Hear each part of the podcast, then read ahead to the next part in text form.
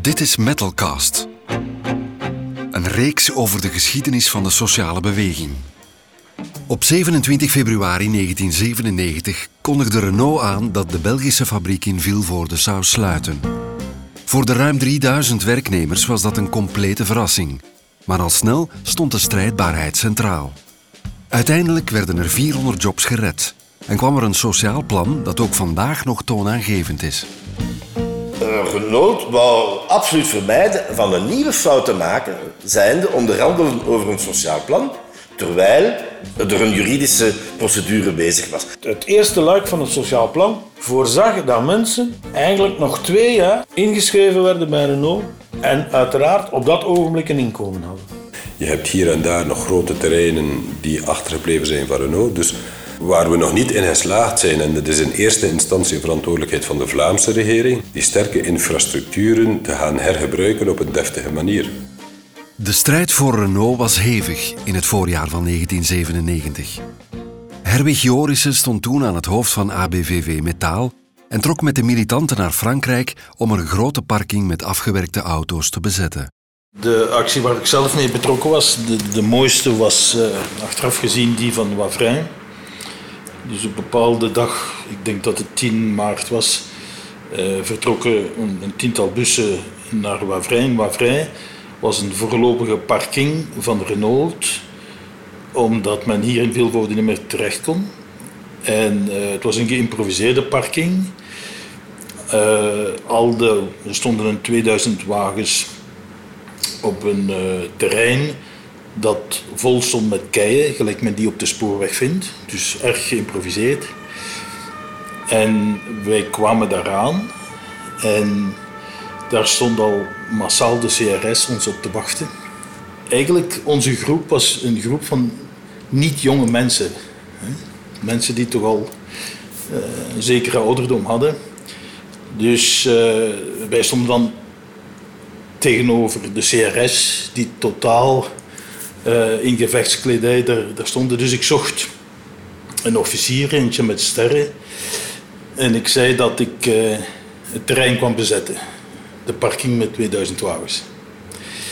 En aan zijn ogen te zien dacht die man echt dat ik uit de psychiatrie ontsnapt was. We zijn dan uh, aan een gevecht begonnen. Dat zeer ongelijk was. Maar uiteindelijk hebben we het terrein kunnen veroveren. Het betekende dus dat binnen de parking, op het terrein zelf, er een gevecht ontstond tussen de CRS en, ons. En op de duur werden dan stenen gegooid. Dat was maar, je moet je dat voorstellen, een parking van, van nieuwe wagens, 2000 wagens. Dus wat er, wat er dan gebeurde en wat er dan misliep. En na twee uur hadden we het gevecht gewonnen. Uh, we zaten op de parking. Daar liep een wat oudere man rond. Die had uh, kleren aan. Het leek zo'n beetje op een facteur van vroeger bij ons. Zo, zo donkere, donkere kledij. Maar dat, uh, achteraf bleek dat de kolonel was van de CRS. En uiteindelijk zijn we gaan, uh, samen met een paar militanten... en dan hij met zijn officieren hebben dan vergaderd in het lokaal. En hij zei, moi je suis colonel de CRS. Ik kon dan zeggen, moi je suis le général du syndicat. En hij zei dat we een paar uur de tijd hadden om te verdwijnen. En we zijn er vijf à zes dagen gebleven. Dat was één actie die ik gedaan heb, maar de mannen zelf hebben heel veel acties gedaan. Wat je dus uh, vaststelt op, op, op zo'n momenten in, in de strijd, dat is... Uh, je ziet die delegees, je ziet de militanten groeien hè, in het verzet. Uh, ze worden veel groter dan je, je ooit zelf voorgesteld hebt. Hè. En dat zijn de dingen die ik onthouden heb telkens bij, uh, bij zo'n acties. De, het onvoorstelbare inzet van de militanten, van de delegees. Ook de risico's, de persoonlijke risico's die men neemt. Men onderschat dat. Hè. Want je kan verantwoordelijk gesteld worden. En we hadden uh, een bijzonder goede secretaris, dat hebben Karel Gakoms. Die communicatief zeer sterk was. Die heel goed de mannen wist te overtuigen. Ook te overtuigen om dood te gaan in de, in de strijd. En zo hebben we het eigenlijk een, uh, ja, een vijftal maanden uh, de strijd geleverd. Karel Gakoms was provinciaal secretaris bij ABVV Metaal en zag een golf van solidariteit ontstaan. Het was niet te volgen. De mensen die ons kwamen bezoeken, de, de faxen die we kregen van solidariteit. We werkten toen nog niet met e-mail. Het is een andere uh, periode, maar de faxen die we kregen uit solidariteit, de solidariteitsdelegaties, Bon, ik heb ze niet allemaal kunnen zien, ik had er ook geen tijd voor, maar ze werden allemaal door onze delegatie ontvangen in het syndicaat Bureel. Maar het was echt een stroom van mensen die, die kwamen. Je moet ook niet vergeten dat we in een bepaalde periode zaten in dit land, een paar maanden na de grootste betoging na de Tweede Wereldoorlog. Een paar maanden voordien had de Witte Mars plaatsgegrepen. En dat was een uiting van de mensen die niet meer geloofden in de instellingen in de politiek. En, dan doet men een een bedrijf. We waren al gewoon dat men verouderde bedrijven dicht deed uit het staal enzovoort. Maar dan doet men een bedrijf uit de, eh, de spitssector, de automobielsector, dicht. Dat, waar de werknemers flexibel waren, waar de werknemers gekend waren voor hun productiviteit. En dan doet men een dergelijk bedrijf op zo'n manier dicht. Dat was natuurlijk een bom die overal ontplofte. En de solidariteit was immens. Dus het was niet te volgen van de solidariteit die we kregen. Maar ik herhaal het nog eens. Die solidariteit was er ook omdat wij een radicaal programma hadden waarin dat we zeiden we kunnen niet aanvaarden dat dit bedrijf wordt gesloten.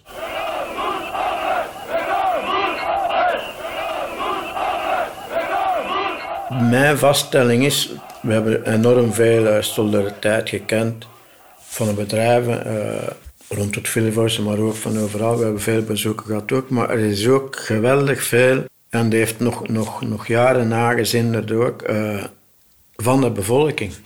Zij de manieren dan had te maken eh, met de manier waarop we dus, dus altijd actie gevoerd hebben. Het, het, is dus nooit echt, een, echt tot geweld gekomen, gewelddadig. Ik heb maar, maar één keer geweten, één keer dat men dus... En dat was dan die firma Office Line, waar ik de mensen heb moeten kalmeren. En vandaag heb ik er feitelijk nog spijt van, want ik kan het niet mogen doen. En dat had te maken dat uh, die firma Office die er dus voor gezorgd heeft in een tijd dat de meisjes nog harder werkten, dat die verantwoordelijke, die CEO, toen de tijd als de acties bezig waren, dat hij dus zei, het is de mensen hun eigen schuld dat, ze buiten, dat de fabriek dichtgegaan is, want ze werken niet hard genoeg.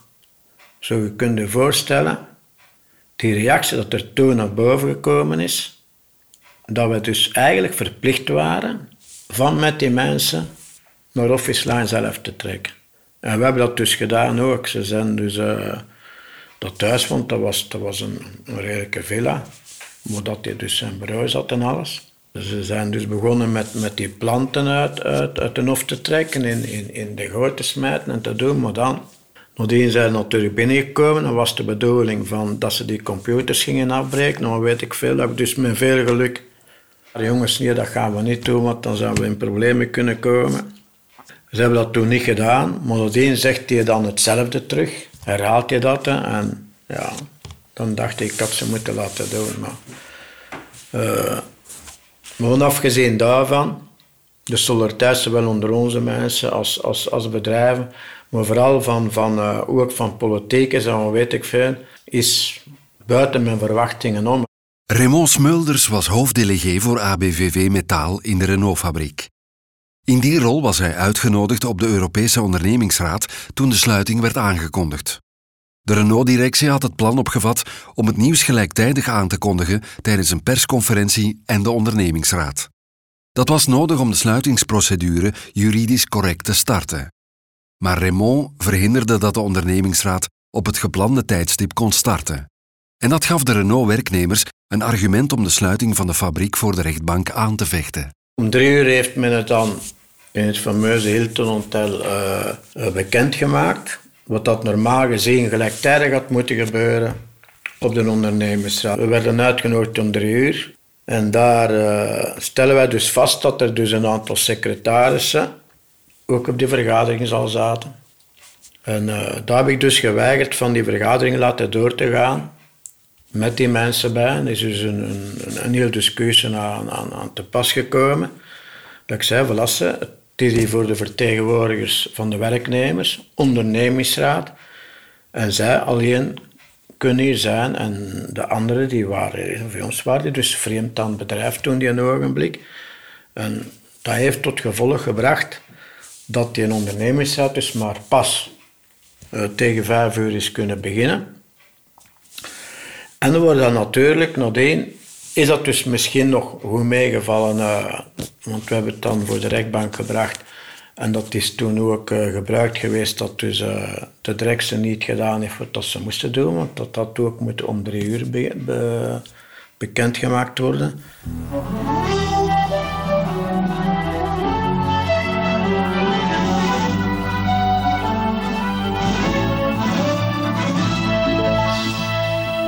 Goedenavond, dit is het laatste journaal van vandaag. Renault overtreedt de wet met de sluiting van zijn fabriek van Vilvoorde, zo oordeelt nu ook een rechter in Parijs. Het bedrijf had vooraf de Europese ondernemingsraad moeten inlichtingen en had moeten overleg plegen. De Belgische en de Franse vakbonden zijn tevreden. Zij gaan nu in die Europese ondernemingsraad van Renault opnieuw pleiten voor het behoud van de werkgelegenheid in de hele groep door arbeidsduurvermindering. Maar de juridische strijd die er is gevoerd, we moeten daar eerlijk in zijn, is een strijd die er niet gekomen is op initiatief van de vakbonden. De juridische strijd is er gekomen omdat één werknemer uit het middenkader een vriend had die toevallig een beetje arbeidsrecht had gestudeerd. En die vriend, advocaat, had tegen hem gezegd, luistert, uh, er zijn een aantal collectieve arbeidsovereenkomsten niet gerespecteerd. En die man is op eigen initiatief naar de rechtbank gestapt. En je moet weten dat de vakbeweging in België uh, niet dikwijls in collectieve conflicten naar de rechtbank stapt. Individueel wel, maar geen collectief. Dus wij hebben die traditie niet. En wij hebben ons aan de vraag gesteld, wat gaan we daarmee doen?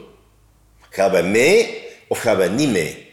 Uiteindelijk is er gemeenschappelijk beslist in dat dossier, gemeenschappelijk om die man te volgen en hebben de vakbonden in feite dat dossier overgenomen. En nu denkt iedereen dat de vakbonden aan het initiatief lagen om dat te doen. Dat is niet waar, dat is historisch verkeerd. Wij hebben inderdaad die juridische strijd gevoerd en die heeft eh, resultaat gehad. Want wij hebben gewonnen. We hebben de juridische strijd zowel in eerste aanleg als in beroep gewonnen. We hebben de juridische strijd in Frankrijk in eerste aanleg en in beroep gewonnen. Le juge français vient de dire la même chose que le juge belge, c'est-à-dire que le comité d'entreprise européen n'est pas une institution fantoche.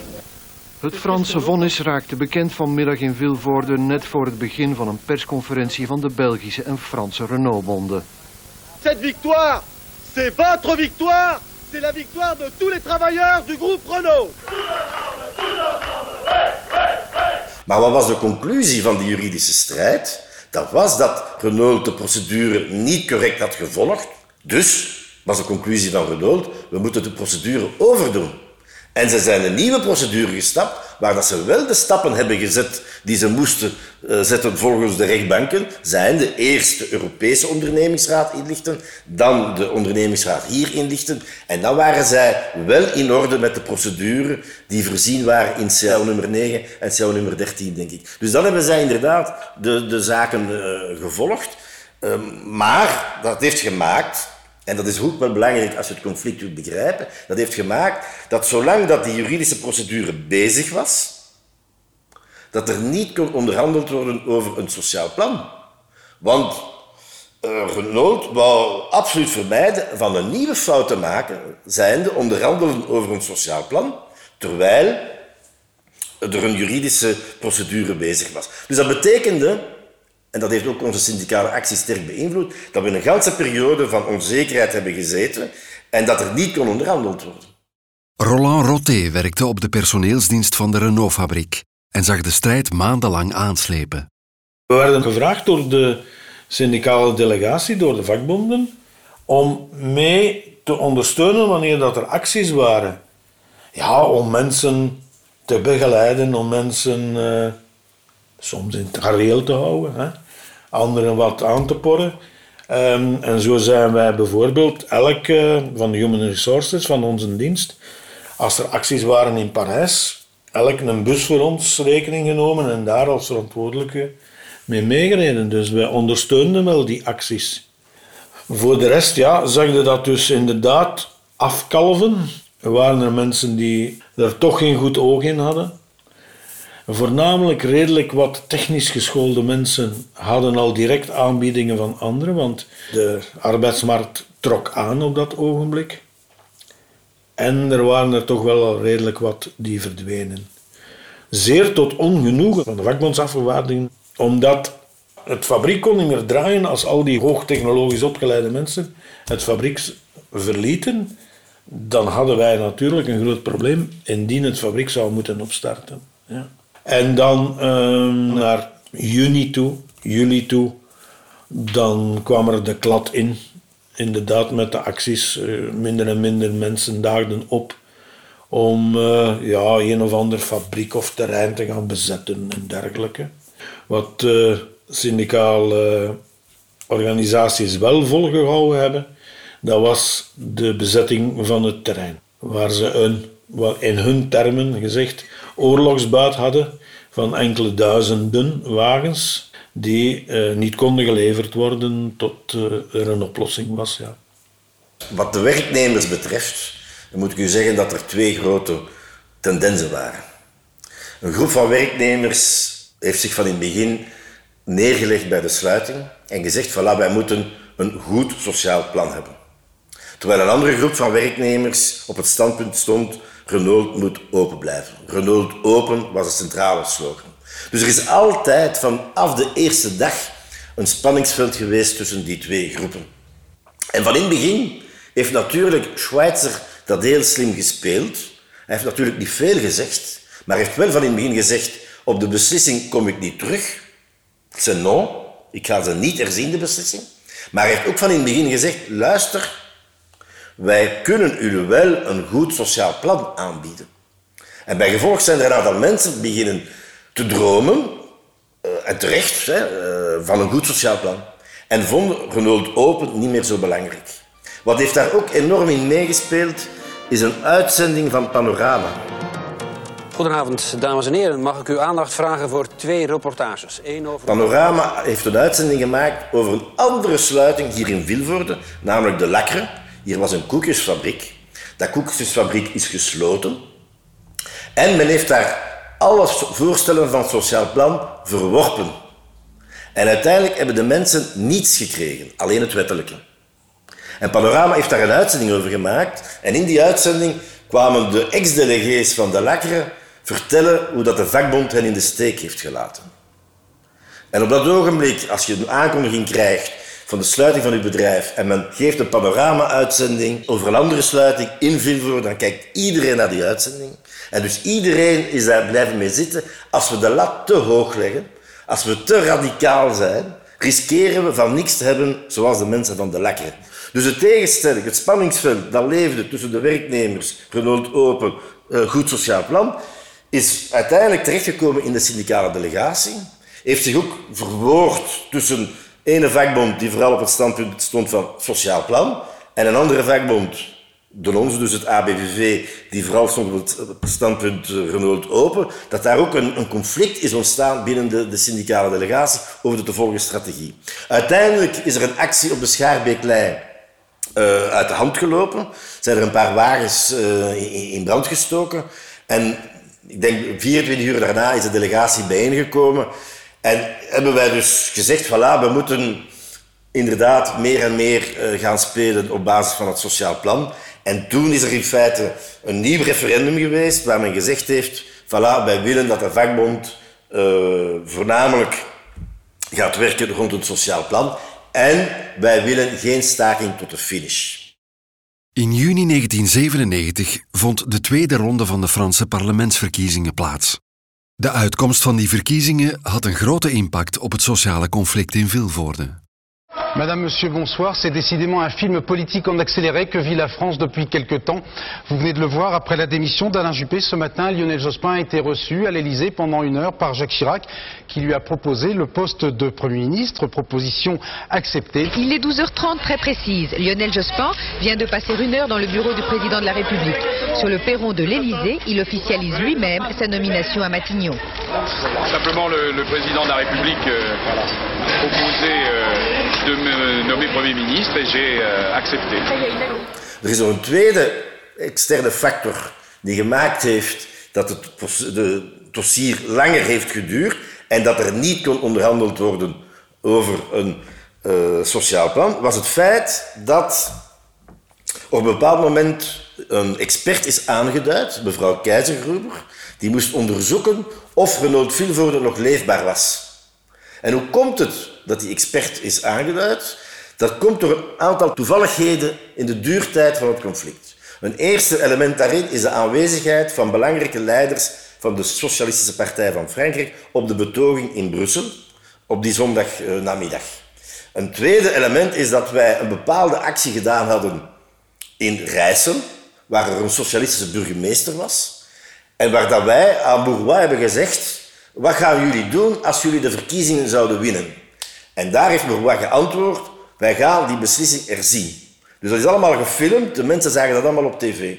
Dus u moet weten dat er in die periode, tussen de aankondiging uh, en dat bezoek bij Bourgois, ondertussen door de uh, huidige eerste minister nieuwe verkiezingen waren uitgeschreven. En iedereen ging ervan uit dat de rechterzijde die verkiezingen ging winnen. Iedereen ging daarvan uit. Ook de leiders van de Socialistische Partij, van de Franse Socialistische Partij. Dus zij konden grote verklaringen doen over dat zij de beslissing zouden herzien. En ze hebben dat dan ook gedaan. Bij een aantal gelegenheden is dat ook duidelijk uh, in beeld gebracht. Maar toeval wil dat de Socialistische Partij in Frankrijk de verkiezingen won. De dag daarna stond het ABVV, na de verkiezingen, stond het ABVV alleen bij de PS in Frankrijk om te zeggen, voilà, jullie hebben beloofd van de beslissing te herzien, wat gaan jullie niet doen? En dus het eerste dossier dat op de tafel kwam van Jospin, de nieuwe eerste minister in Frankrijk, was het dossier Renault. En toen, om een uitweg te zoeken, heeft men een experte aangeduid, mevrouw Keizergruber. En zij ging dan onderzoeken of inderdaad men de beslissing kon herzien of wat men kon doen enzovoort.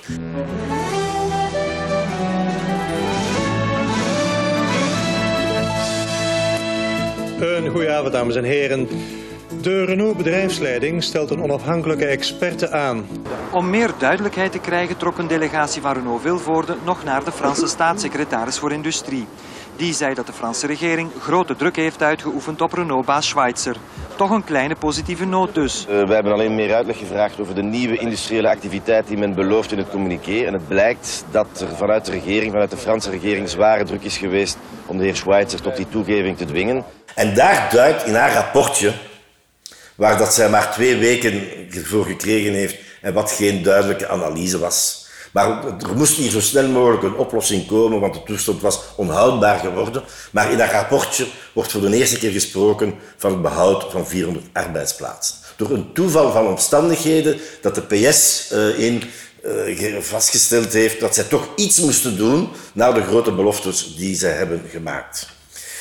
Voilà, dus dat zijn twee factoren die hebben gemaakt dat het conflict vrij lang heeft geduurd, uh, omdat er niet kon onderhandeld worden, zolang dat de juridische procedure liep en zolang mevrouw Keizer-Gruber aan het uh, uh, onderzoeken was, haar, haar, dossier aan het maken, haar expertise aan, aan het voorbereiden, zolang kon er niet onderhandeld worden. Uiteindelijk werden er toch onderhandelingen opgestart over een sociaal plan. Er kwam een tewerkstellingscel om de Renault-medewerkers naar een nieuwe job te begeleiden. Het eerste luik van het sociaal plan voorzag dat mensen eigenlijk nog twee jaar ingeschreven werden bij Renault en uiteraard op dat ogenblik een inkomen hadden. Weliswaar een stuk werkloosheid, bijgepast door Renault en zo verder, maar dat was de eerste zorg voor de mensen in het sociaal plan. Ik ben, ik ben nog aan het werk, ik ben nog ergens ingeschreven, mijn sociale zekerheid loopt nog en ik heb nog een inkomen voor minstens twee jaar. Grandioos was de vondst van de tewerkstellingscel. Men verplichtte Renault als werkgever om voor die mensen daadwerkelijk op zoek te gaan voor een andere job. En dus alle mogelijke middelen aan te werven om tot dat doel te bereiken. Met andere woorden, in veel andere sociaal plannen voorgaande was het een andere instantie die voor de mensen moest zorgen. Renault had het sociaal drama veroorzaakt maar moest ook de gevolgen dragen en was ook verantwoordelijk voor de oplossing van zijn mensen. En het andere luik was het brugpensioen. Voor een heel deel van, van ons mensen was dat ook wel een oplossing. Ja. Want die hadden eigenlijk van jongs af aan bij de Renault gekomen en nooit op, op een ander gewerkt hoor. En die kenden eigenlijk alleen maar het, het, het soort bandwerk dat wij aanboden. Voor andere categorieën, zoals mensen die in de kwaliteitsdienst werkten of in de beschildering of flasser waren en zo, was dat absoluut geen probleem. En hadden die bij andere grote firma's uit de regio onmiddellijk werk. Voor brugpensioen hadden we 633 werknemers die voor oktober 99 de leeftijd van 50 jaar bereikten en die zijn dan allemaal op brugpensioen gegaan. ABVV Metaal bleef tijdens de onderhandelingen hameren op jobbehoud en voelde zich gesterkt door het rapport van de Franse experte Danielle Kaisergruber, dat het behoud van 400 arbeidsplaatsen verdedigde. Uiteindelijk besloot de Renault-directie om de nodige activiteiten te voorzien, zodat alle werknemers die 45 jaar of ouder waren aan de slag konden blijven in het bedrijf. De 400 arbeidsplaatsen hebben ons een mogelijkheid gegeven om iedereen boven de 45 jaar de kans te bieden om bij Renault te blijven. Dat betekent dat mensen vanaf 48 jaar, twee jaar te werkstellingscel, 50 jaar brugpensioen. Dus die mensen, als ze wouden uiteraard, konden in een systeem van brugpensioen terechtkomen. Dus de mensen die dan de kans kregen om in die 400 te, te, stappen, waren die verplicht. Zij konden ook de vertrekpremies nemen, of zij konden ook gewoon twee jaar in de uh, tewerkstellingscel blijven zitten. Dat kon ook. Maar wij hadden een criteria uitgewerkt, een combinatie van leeftijd, anciëniteit. En zo werd iedereen op een rijtje gezet en werd aan iedereen gevraagd, eh, mag je, wil je blijven of wil je niet blijven? En uiteindelijk zijn daar 400 mensen uitgeselecteerd, met het spijtige gevolg dat veel van onze jongere delegees, die zich enorm hadden ingezet in die actie, die dag en nacht zo goed als aanwezig waren in dat conflict, ja, dat die mensen zijn vertrokken. Dat doet wel pijn op zo'n ogenblik, terwijl er andere mensen zo goed als of veel minder hebben gedaan en die mochten wel blijven. Maar ja, je moet dat objectief doen. Hè. Maar in je hart doet het wel een beetje pijn dat je goede elementen, goede syndicalisten moet laten vertrekken. Maar het was allemaal zeer objectief. We konden ons niet veroorloven van daar een vriendjespolitiek te doen of de vakbond voor te trekken. Dat kon niet, maar het is wel een, gevoelig punt geweest. Ja. Ik denk dat eh, alle pluimen naar, naar Karel Jacobs en uh, Raymond Smulders moeten gaan. Is mijn inziens, maar dat is mijn visie. Was er meer te redden gevalt indien het fabriek normaal had kunnen doordraaien en indien al onze specialisten ter plaatse gebleven waren. Ik denk dat het compromis dan eventueel een ander model van maken of zo, dat, dat er kansen zouden in gezeten hebben. Hè. Weliswaar met een sterke afslanking, hè. Uh, maar tenminste dat men in die branche al gebleven zijn. Het is dus uh, eer aan ons, uh, aan ons mensen dat ze toch een 400-tal plaatsen hebben kunnen te. Het was niet het mooiste werk, het was niet de branche als dusdanig. Maar het heeft er toch toe geleid dat een 400-tal toch tot aan hun uh, brugpensioen hebben kunnen doordoen. Op, op 56 jaar, als ik het goed voor heb. Ja. Roland Roté was een van de 400 werknemers die bij Renault bleven werken. Hij werd verantwoordelijk voor de personeelsdienst van het afgeslankte bedrijf. Wij waren een, een toeleveringsbedrijf. Wij uh, maakten nog uh, metaalstukken, onderdelen voor auto's. Lasten we nog. Wij uh, monteerden banden op velgen, hm, op industriële wijze, dus met een, met een geautomatiseerde ketting. Daar werd nogal smalend over gedaan, want hè, we trekken de banden niet van Frankrijk, de velgen ook van Frankrijk en we gaan er Belgische of Vlaamse lucht inpompen en we sturen ze terug. Hè. Maar het was een activiteit die redelijk wat eh, voor wat mensen was. Ik geloof een tachtigtal. We hadden nog eh, een activiteit op de eindafwerking. Wagens die op de parking stonden, werden, werden nog eens volledig een check-up gekregen. Vooral dat ze naar de verdelers uh, werden gestuurd. Hè. En, kleine retouches waren nodig en, en dergelijke. Wagens werden gekuist en waren dan eigenlijk 100% klaar voor aan de klant gegeven te worden. Dus dat waren het soort activiteiten bij ons. Maar eigenlijk, ja, om, om, om op heel lange termijn te overleven, was dat toch niet hoor.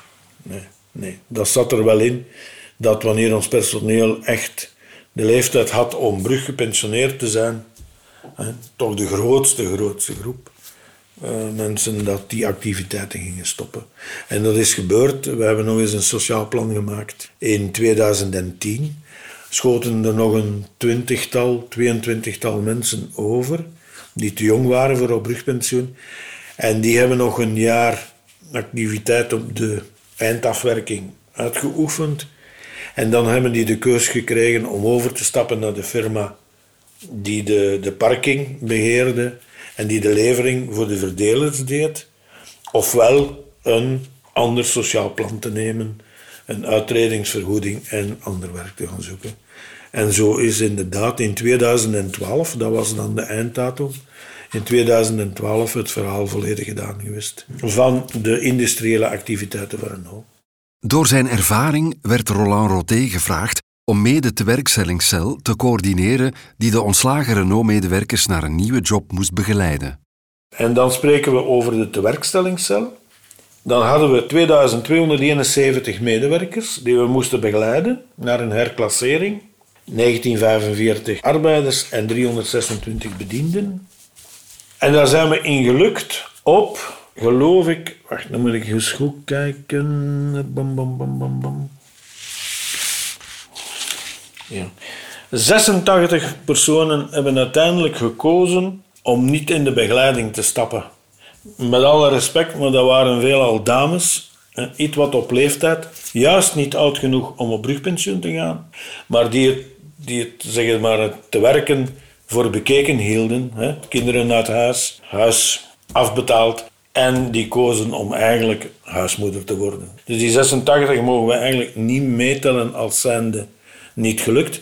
Er bleven vier mensen over waarvan we geen oplossing hadden.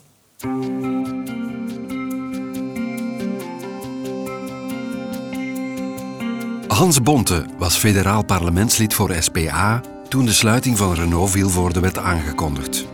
Vandaag is hij burgemeester van de stad. De garanties die men daar bood naar hertewerkstelling, naar kansen krijgen, naar opleiding, vorming, naar uh, voor een bepaalde groep toch de werkstelling behouden, de zogenoemde 400, uh, ja, heeft er wel toe geleid dat uh, het economische drama dat on, ongetwijfeld gepaard ging met de sluiting van Renault en, van de toeleveringsbedrijven, uh, dat dat eigenlijk relatief snel verteerd is geraakt op het vlak van zeg maar, arbeidsmarktcijfers. Dat neemt niet weg dat, dat de ellende die gevoeld werd door mensen, door op die manier op straat worden gezet, blijvend is voor heel wat mensen. Maar globaal bekeken, economisch bekeken, op vlak van arbeidsmarkt-evoluties bekeken, is de lange spreiding van de sluiting, het feit dat er nog gegarandeerde werkstelling was, dat mensen konden via ambitieuze outplacement-programma's met behoud van loon, met ook de garantie dat ze konden terugkeren als het niet lukte, ja, heeft er toch voor gezorgd dat de economische effecten relatief snel werden opgevangen. En eigenlijk zou uh, die CAO voor een stuk nog altijd en meer dan ooit misschien uh, best boven gehaald worden bij moeilijke syndicale onderhandelingen. Renault Vilvoorde was, was de, de, de ganse sluitingsproblematiek, maar ook de reactie daarop was niet alleen helemaal nieuw in zijn brutaliteit. Heeft ook ertoe geleid dat wetgeving veranderd is, dat, dat, dat er inderdaad Europese richtlijnen gekomen is om, om dergelijke brutale sluitingen tegen te gaan. En achteraf bekeken is Renault worden ook voor een stuk de pionier geworden om ja, structurele problemen die in andere auto-assemblagebedrijven in, België zich voor hebben gedaan, om ook dat daar goed op te vangen. Hè. Uh, we kunnen verwijzen naar Opel, we kunnen verwijzen naar Ford enzovoort. Dus en eigenlijk zie je dat de methode waarop dat die sluitingen daar, of die, die collectieve ontslagen daar, opgevangen zijn, uh, ja, een, zeer grote stempel uh, met zich meedragen over de manier waarop men hier de sluiting in Vilvoorde geregeld heeft.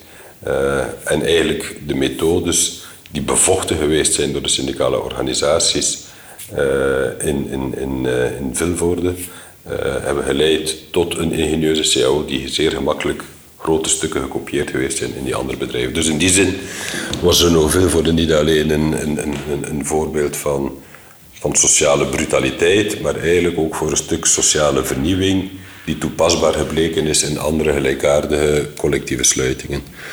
Wel, het is zo dat uh, 22 jaar na de sluiting van Renault uh, ik nog persoonlijk zeer regelmatig geconfronteerd word met uh, de kwetsuren van mensen.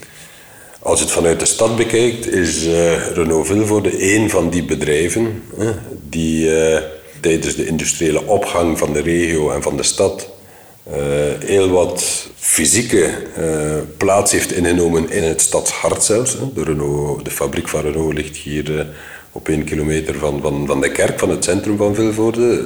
Achter het station heb je de Katsiet, de gigantische parking waar de auto's stonden. Je hebt hier en daar nog grote terreinen die achtergebleven zijn van Renault. Dus waar we nog niet in geslaagd zijn, en dat is in eerste instantie verantwoordelijkheid van de Vlaamse regering, die sterke infrastructuren te gaan hergebruiken op een deftige manier. Ruim twintig jaar na de sluiting is de erfenis van de Renault-fabriek nog duidelijk zichtbaar in Vilvoorde. Maar wat was nu eigenlijk de motivatie van de Renault-directie om het bedrijf in België te sluiten? De echte reden van de sluiting die we gekregen hebben bij de eerste ondernemingsraad was dat er een overcapaciteit was binnen de Renault-groep en dat men de productie moest centraliseren in een aantal, minder groot aantal bedrijven. Dat is ook een van de redenen dat we zo boos waren. Hè. Er werd nergens serieus gemotiveerd eh, waarom Renault Vilvoorde dichtging. Dat was geen dossier, dat, was gewoon drie, vier zinnetjes. Hè. Maar daar stond overcapaciteit. Omdat er dan zoveel kritiek kwam, is men achteraf komen vertellen vanuit uh, Renault Frankrijk, via Schweitzer, dat de loonkost hier te hoog was. Maar dat was zeker niet de eerste reden die men heeft opgegeven, was puur overcapaciteit. Waarom Renault Vilvoorde? En niet een bedrijf in Frankrijk of een bedrijf in Spanje of in Slowakije of ik weet niet waar. Ja, daar valt natuurlijk van alles over te zeggen. Er zijn waarschijnlijk een aantal dingen die meespelen, onder andere de loonkost. Maar het is ook zo dat Renault Vilvoorde een klein bedrijf was geworden binnen de groep. Je moet ook weten dat Renault Vilvoorde 50% van de tijd stil stond. Er werd niet s'nachts gewerkt, er werd niet in het weekend gewerkt. Uh, dus het aantal wagens dat hier werden geproduceerd was vrij klein geworden als we dat vergelijken met de grote bedrijven van Renault in het noorden van Spanje eh, en in Frankrijk. Dus we waren een klein bedrijf geworden binnen de Renault-groep. En daar hebben we volgens mij eh, een historische kans laten liggen, einde van de jaren 80 is er een onderhandeling geweest, een belangrijke onderhandeling geweest, waar de Renault-directie in feite voorstelde van de capaciteit, de productiecapaciteit van Renault met 50% uit te breiden. En zij stelde voor om naast de weekploeg een weekendploeg te maken. Die werkte op vrijdag, zaterdag en zondag. En die mensen met die drie dagen te werken, zouden een inkomen hebben zoals vele arbeiders niet hebben. Maar daarvoor moesten de ploegen, uh, de weekploeg, gaan werken 9 uur per dag. In plaats van 8 uur per dag. En dat is een ganse discussie geworden. En dat is uiteindelijk gestruikeld op het feit dat bepaalde vakbondsmensen absoluut eisten, want men had dat gerealiseerd in een aantal andere bedrijven van de metaal, dat die mensen in het weekend maximum 24 uur mochten werken en hetzelfde loon moesten hebben als de andere mensen die in de week werkten. En dat is gerealiseerd in bepaalde metaalbedrijven. Maar dat ging dan over 10, 20 man. Die ergens op een cruciaal punt in de productie, dat gestremd zat en daar men daar meer moest kunnen eh, produceren om de rest mee te trekken. Hier wou men een ganse ploeg, 1200 man, laten werken in het weekend. Ja, als je die allemaal evenveel laat verdienen als de 2000 die werken in de week, ja, dan is dat natuurlijk onhoudbaar.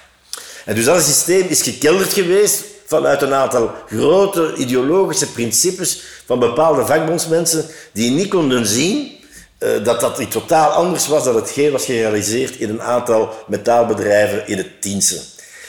Terwijl ik heb altijd een ander standpunt daarover gehad. Uh, ik heb altijd gezegd, luistert, uh, ik denk dat er een publiek is in dit land dat zeer tevreden zou zijn met de, zaterdag, de vrijdag, de zaterdag en de zondag te werken, met een mooi inkomen te hebben. Ja en dan nog vier dagen vrij te hebben om wel vrije tijd te nemen of nog elders te werken of te studeren of ik weet niet wat. Maar ik ben er absoluut van overtuigd dat er toen ook al een publiek was dat bereid was om in het weekend te werken uh, voor dat loon. Natuurlijk, wie heeft erover gestemd? In een stemming is dat gekelderd Ook omdat bepaalde vakbonden dat absoluut bleven afbreken. Dat is gekelderd door de mensen die werk hadden. Hè. Dat is niet gekelderd door de 1200 die misschien een job hadden kunnen krijgen. Hè. Maar goed, ik denk dat we daar een belangrijke uh, kans hebben laten liggen om Renault Vilvoorde uh, om daarvan een groter bedrijf te, maken dat meer meespeelde binnen de Renault groep. Had dat nu de sluiting vermeden? Daar ben ik niet van overtuigd hoor. Pas op, hè, daar ben ik niet van overtuigd. Dat kan ik ook niet bewijzen. Ik zeg alleen dat daar de vakbeweging in mijn ogen een historische kans heeft laten liggen. Dat was het verhaal over de Renault-fabriek in Vilvoorde.